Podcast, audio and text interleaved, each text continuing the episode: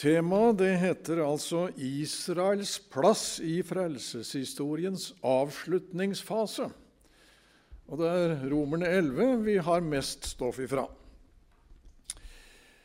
Frelseshistorien den er lengre enn verdenshistorien. Ja, for den startet før verdenshistorien, og den varer til etter at vår verden går under. Frelseshistorien den startet jo før verdens grunnvoll ble lagt, som det står, da Gud la en plan for å frelse syndere. For å realisere sin frelsesplan så måtte Gud sende sin egen sønn til jorda som menneske for å sone all verdens synder. Og For å løse denne oppgaven så valgte Gud å danne et eget folk der Frelseren skulle bli født å leve og dø og stå opp igjen. Israel fikk dermed en særegen plass i frelseshistorien. Gud førte dette folket lenge for å gjøre det skikket for oppgaven, og benyttet det samtidig som sitt demonstrasjonsfolk for å vise alle folk på jorda hvem han selv er, både i sin hellighet og kjærlighet. Og Dette finner vi rikelig av stoff om i Det gamle testamentet. Israels særegne stilling overfor Gud tok ikke slutt i og med at forsoningsverket var fullført.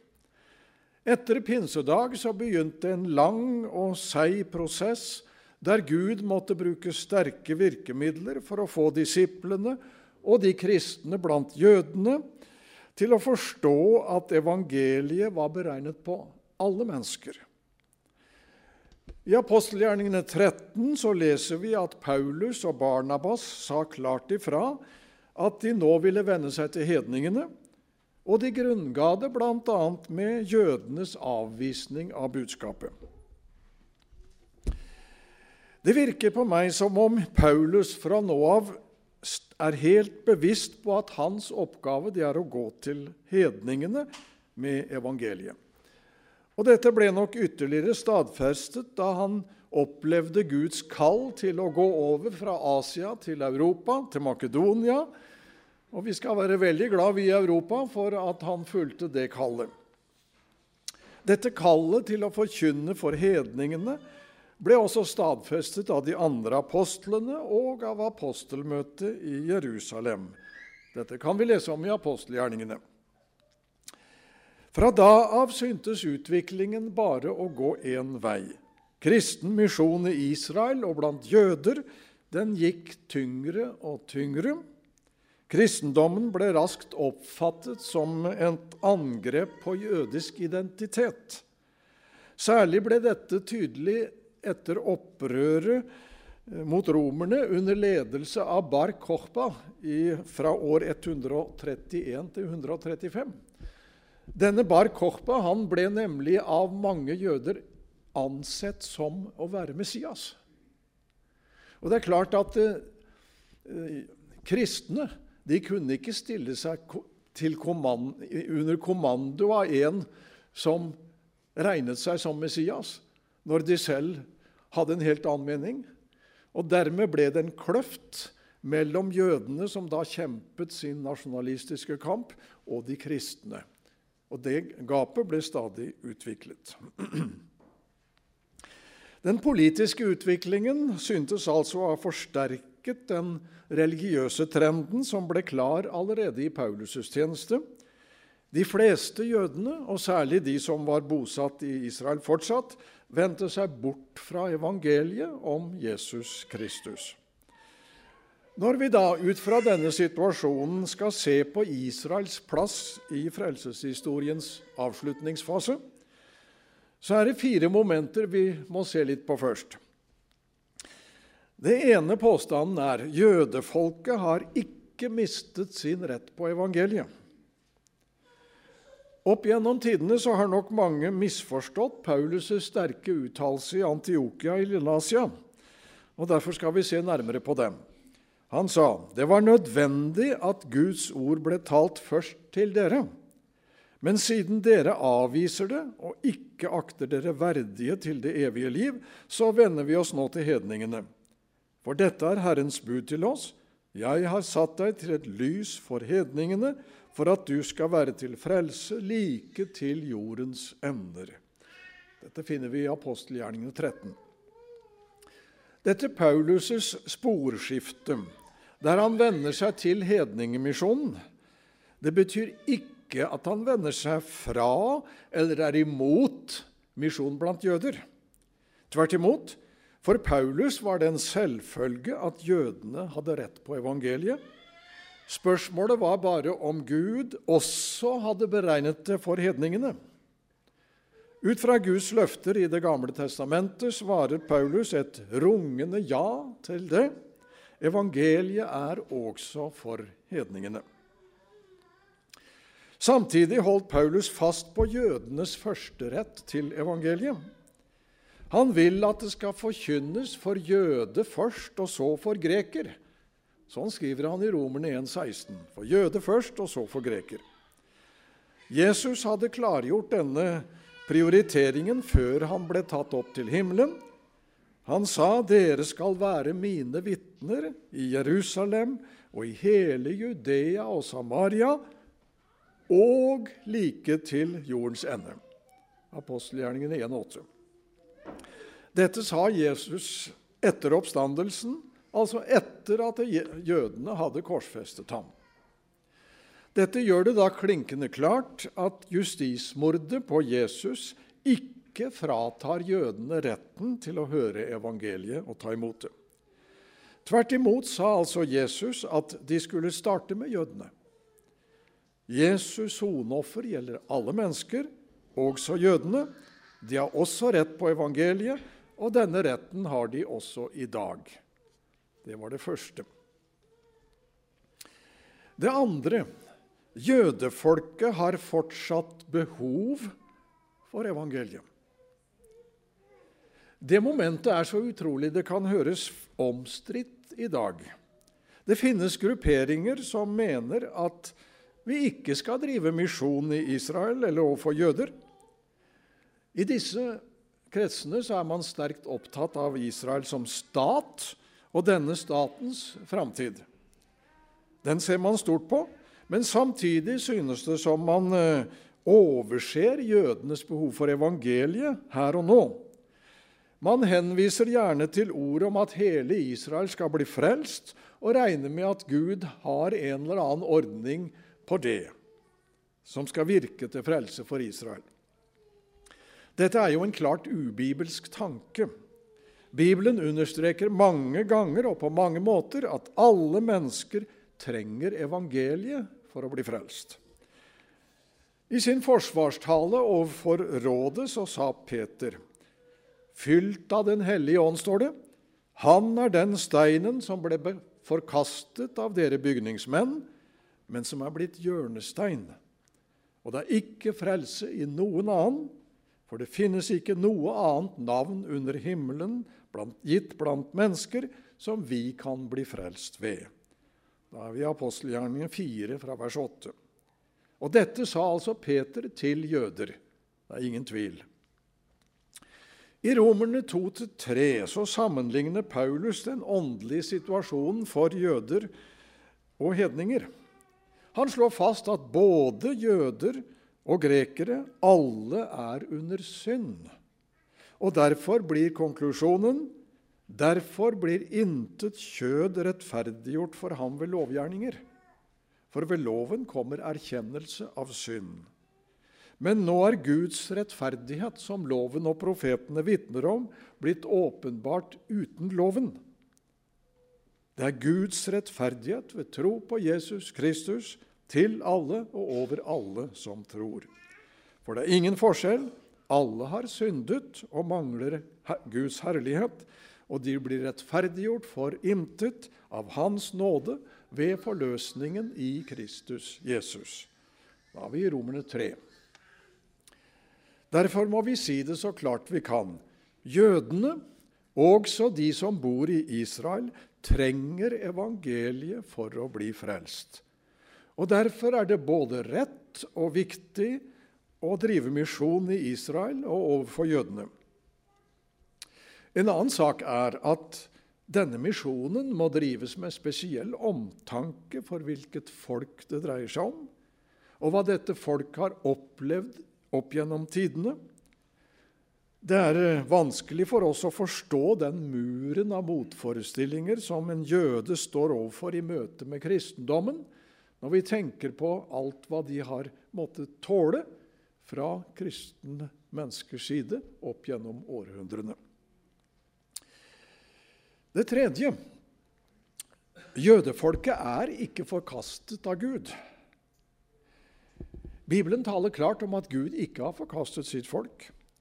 Paulus skriver utførlig om dette nettopp i Romerne 11. Jeg sier altså, har da Gud forkastet sitt folk? Langt derifra. Også jeg er jo en israelitt av Abrahams ett, av Benjamins stamme. Romerne 11,1. Her bruker Paulus seg selv som bevis på at en jøde kan ta imot evangeliet og leve i troen på Jesus som Messias. Problemet er at jødene har forkastet Jesus som Messias. Paulus stiller da med en gang spørsmålet har de snublet for at de skulle falle. Altså, var det Guds mening at de skulle falle? Var, de nødt, var det nødt til å gå slik? Paulus svarer et rungende nei, langt derifra. Men ved deres fall er frelsen kommet til hevningene for at dette kan vekke Israel til nidkjærhet. Da har vi Romerne 11.11. 11. Altså, evangeliet er et reelt frelsestilbud for jødene, og de hadde samme mulighet til å ta imot det som oss. Men når de fleste sa nei, så kunne Gud i sin visdom også benytte dette til noe godt, nemlig til å sette fullt trykk på hedningemisjonen. Det er interessant å lese hva Øyvind Andersen tenker om dette vanskelige punktet. Han skriver om det i denne boka 'Grunnsannheter til frelse', bind 2 fra 1970. Sitat. Det er rimelig å tro at dersom Israel umiddelbart hadde tatt imot evangeliet, hadde nettopp Israel blitt den store hindring for evangeliets utbredelse i verden. Det er fare for at de da ville ha krevd at hedningene skulle gå over til jødedommen for å ta imot evangeliet. På den måten ville de ikke alene ha hindret hedningemisjonen, men de ville ødelagt hele det evangeliske budskap. De ville ha kommet til ende i judaisme, slik som Galaterbrevet advarer mot. Dette er jo hans tanker. Men de sier litt om hva som faktisk sto på spill i den første kristentiden. Gud brukte altså det negative, at de fleste jøder sa nei til evangeliet, til noe godt for oss. Hedningmisjonen fikk en helt annen prioritering enn den ellers ville ha fått. Israels nei til evangeliet det ble til frelse for oss hedningefolk. Israel skulle så bli vitne til Guds gjerninger blant folkeslagene. De skulle få se hva evangeliet er, og hva det betyr når det blir mottatt i tro. Dette skulle så å si gjøre jødene sjalu, føre til at de i neste runde også tok imot evangeliet. Nå vet vi at den effekten har latt vente på seg. Jødene verden over har vært en veldig hard misjonsmark. Og vi har lett for å kritisere jødene for det. Det bør vi tenke oss om to ganger før vi gjør. Saken er jo at de fruktene av kristentroen som jødene har fått merke, de er heller tvilsomme, for å si det mildt. Jødene har ofte i kristendommens navn blitt forferdelig behandlet. Vi har altså ikke gjort kristentroen tiltrekkende for jøder. Her har vi en stor gjeld å betale. En gjeld som bare kan betales med kombinasjon av misjon og gode gjerninger. Og Så kommer vi til det fjerde, endelig. Jødefolket er fortsatt privilegert. Når Paulus i Romerne 11 drøfter forholdet mellom kristne jøder og kristne hedninger, så bruker han et talende bilde. Israel, sier han, det er som et stort og edelt tre. Noen av grenene på treet er blitt brutt av. Disse grenene det svarer da til jøder som ikke vil tro evangeliet om Jesus Messias. Men gartneren han poder inn ville kvister på det gode treet. Og dermed får villkvistene del i sevjen og livet som strømmer fra stammen. Disse innpodede grenene det er da et bilde på oss hedningekristne. Som Guds barn får de del med det sanne Israel i gudsfolkets liv og fellesskap.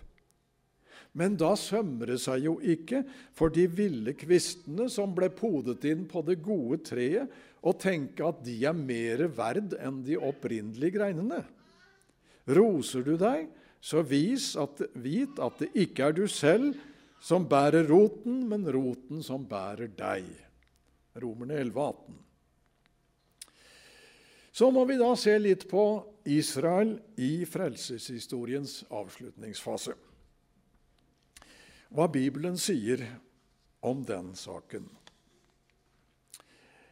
Vår verden den er ikke på vei mot ragnarok og kaos, selv om det ofte kan se slik ut i våre dager. Nei, ver verden er på vei mot den avslutningen som Gud selv bestemmer over, både med hensyn til tiden og måten. Det er Gud som kommer til å regissere verdens avslutningsfase. Før avslutningen skal det imidlertid skje to markerte ting. Det ene er at jødene skal samles i sitt eget land. Og det andre er at folket skal venne seg til Jesus som Messias og frelser. Vi må se litt på det første, tilbake til landet. Det er et særlig ett ord av Jesus vi her tenker på, fra Lukas 21, 24. Jerusalem skal ligge nedtrådt av hedninger inntil hedningefolkenes tider er til ende. Dette ordet står i sammenheng med de tegnene som skal varsle Jesu gjenkomst. Det skal altså skje noe med, Jerusalem og Israel nettopp i sluttfasen. Vi har også klare profetord i GT som peker i samme retning, f.eks. Jesaja 11.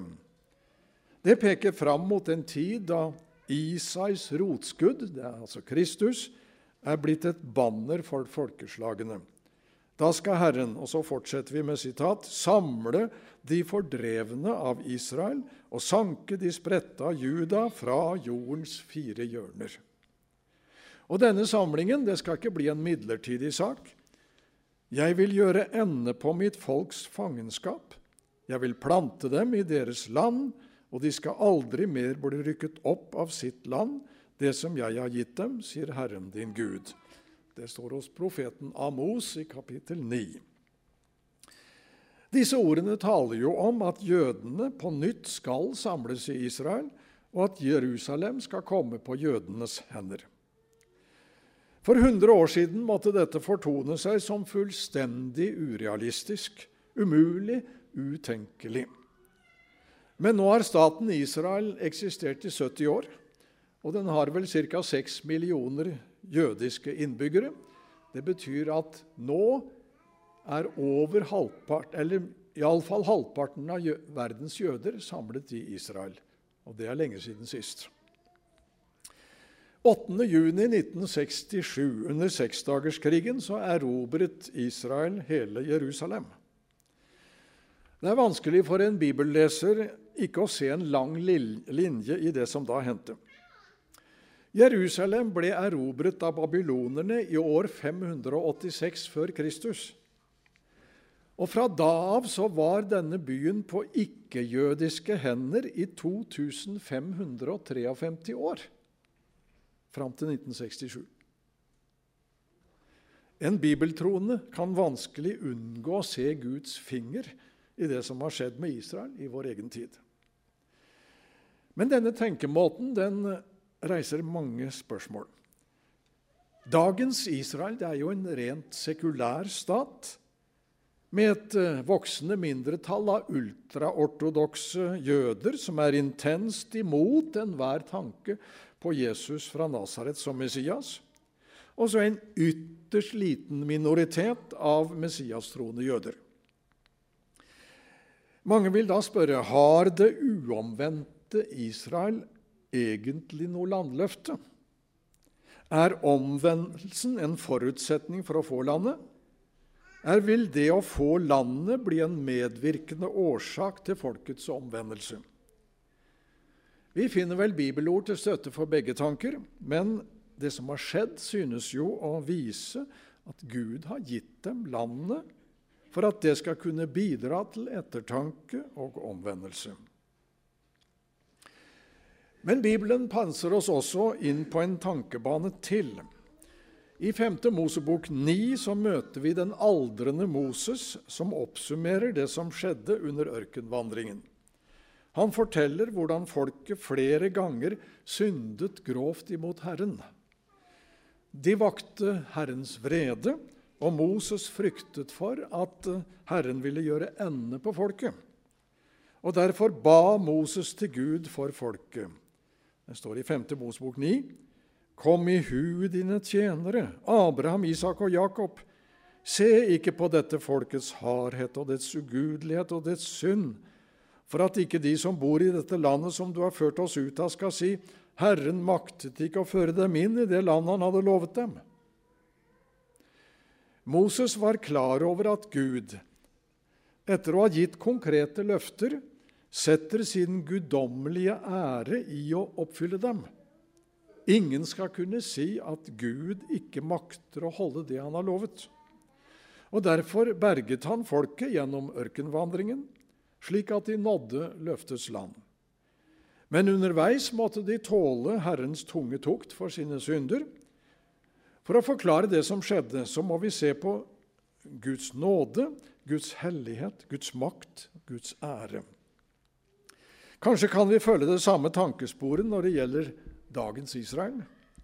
Gud har gitt et landløfte, men folket har forlatt sin Gud og ikke ville tro at han har sendt Messias til frelse fra synd, dom og død.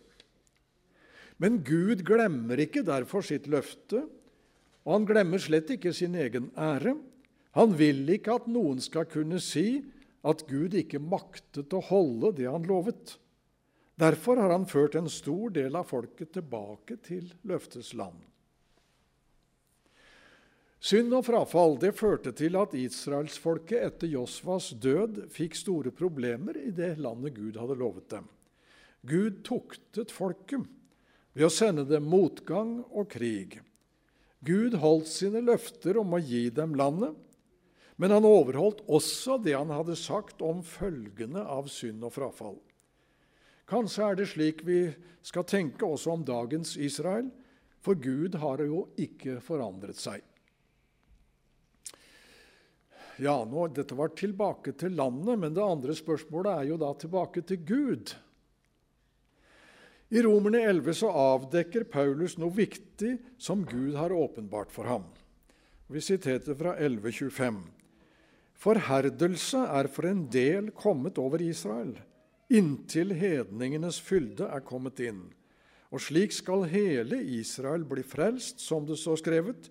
Fra Sion skal befrieren komme. Han skal rydde bort ugudelighet fra Jakob. Paulus hadde fått seg åpenbart at forherdelsen som en del hadde preget Israel, skal ta slutt når hedningenes fylde er kommet inn.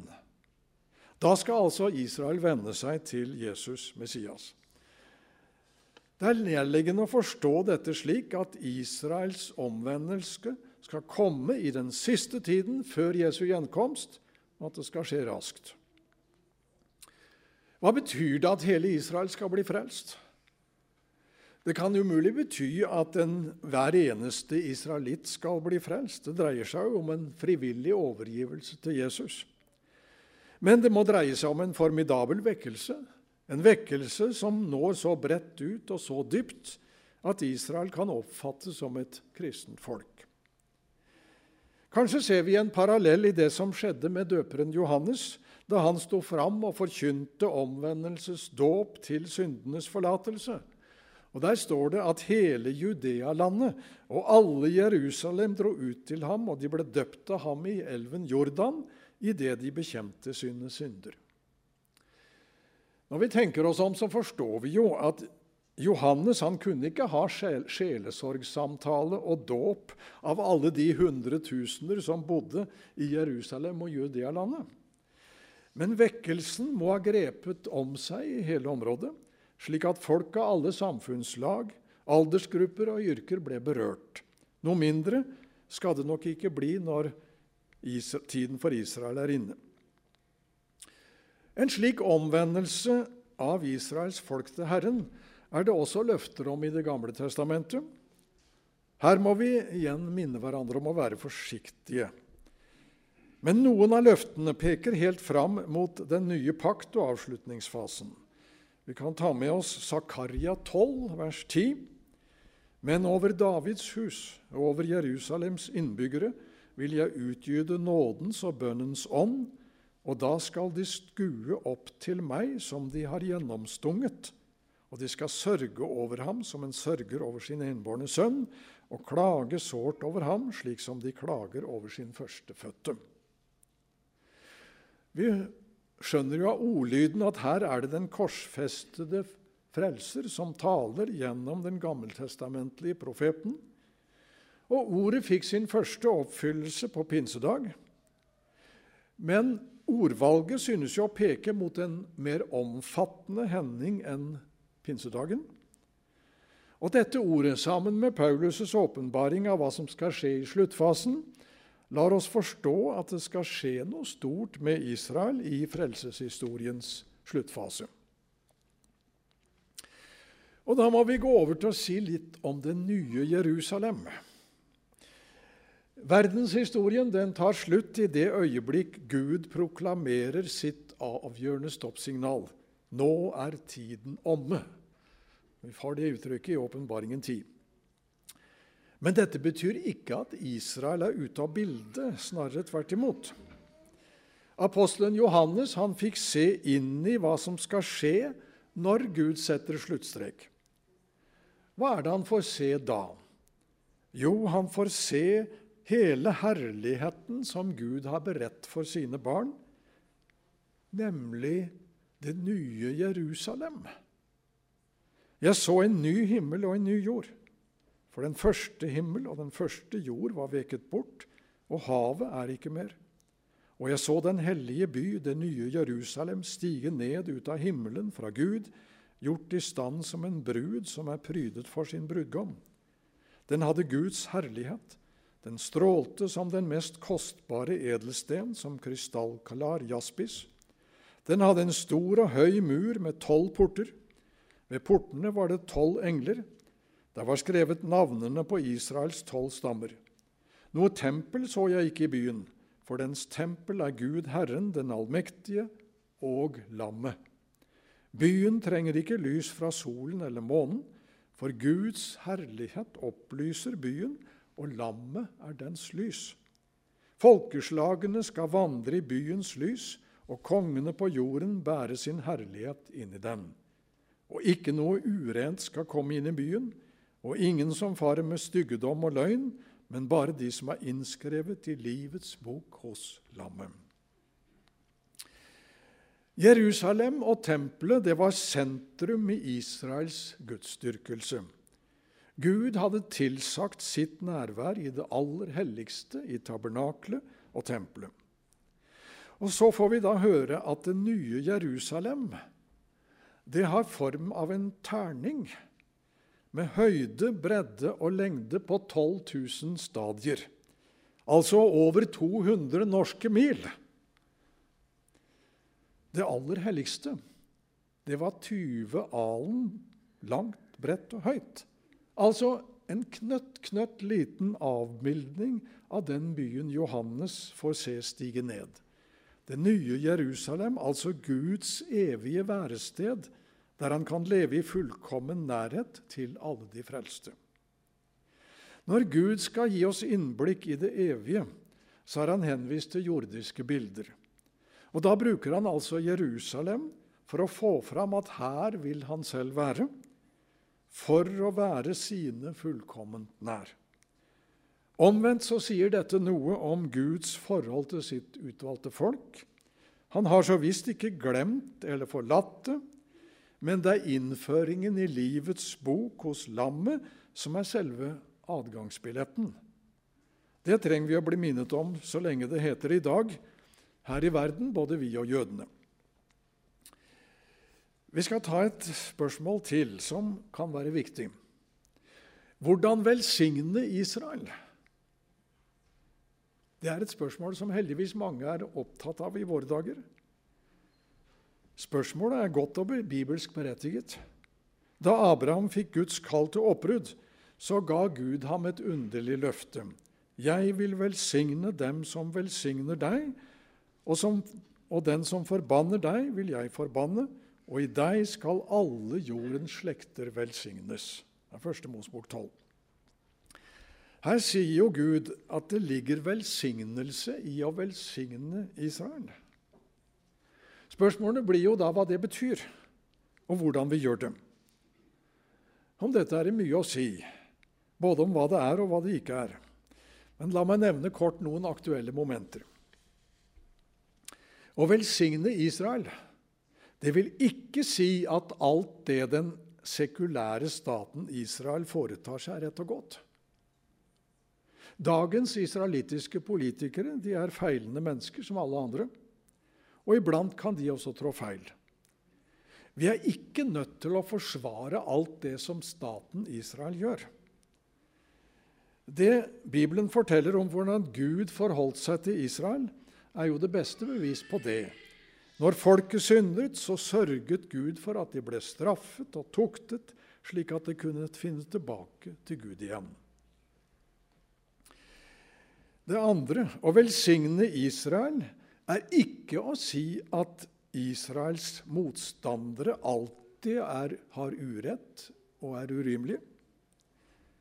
Framvekten av staten Israel det brakte palestinske arabere i en vanskelig situasjon. Vi er ikke nødt til å benekte det for å velsigne Israel. Det er viktig at vi forsvarer Israels rett til å eksistere innenfor sikre grenser, som blir respektert av landet rundt. Men dette forsvaret må skje på politiske premisser. Derfor ligger det på et annet plan enn det vi tenker på i forbindelse med å velsigne Israel. Men det tredje er vi kan velsigne Israel ved å be for landet og folket. Folket og lederne trenger vår forbønn, for det er bare Gud som kan velsigne Israel. Og det fjerde vi kan velsigne Israel ved å drive misjon blant jødene. For jødene trenger evangeliet, de trenger det sårt. For det er bare gjennom evangeliet de kan bli virkelig velsignet. Jesus dryger med å komme igjen, for han venter ikke minst på at hans eget folk skal vende om. Gjennom at vår forbønn og visjon også omfatter jødene, er vi med på å framskynde Guds og Guds barns store dag. Og så sier vi hverandre lykke til med det arbeidet og den forbønnen.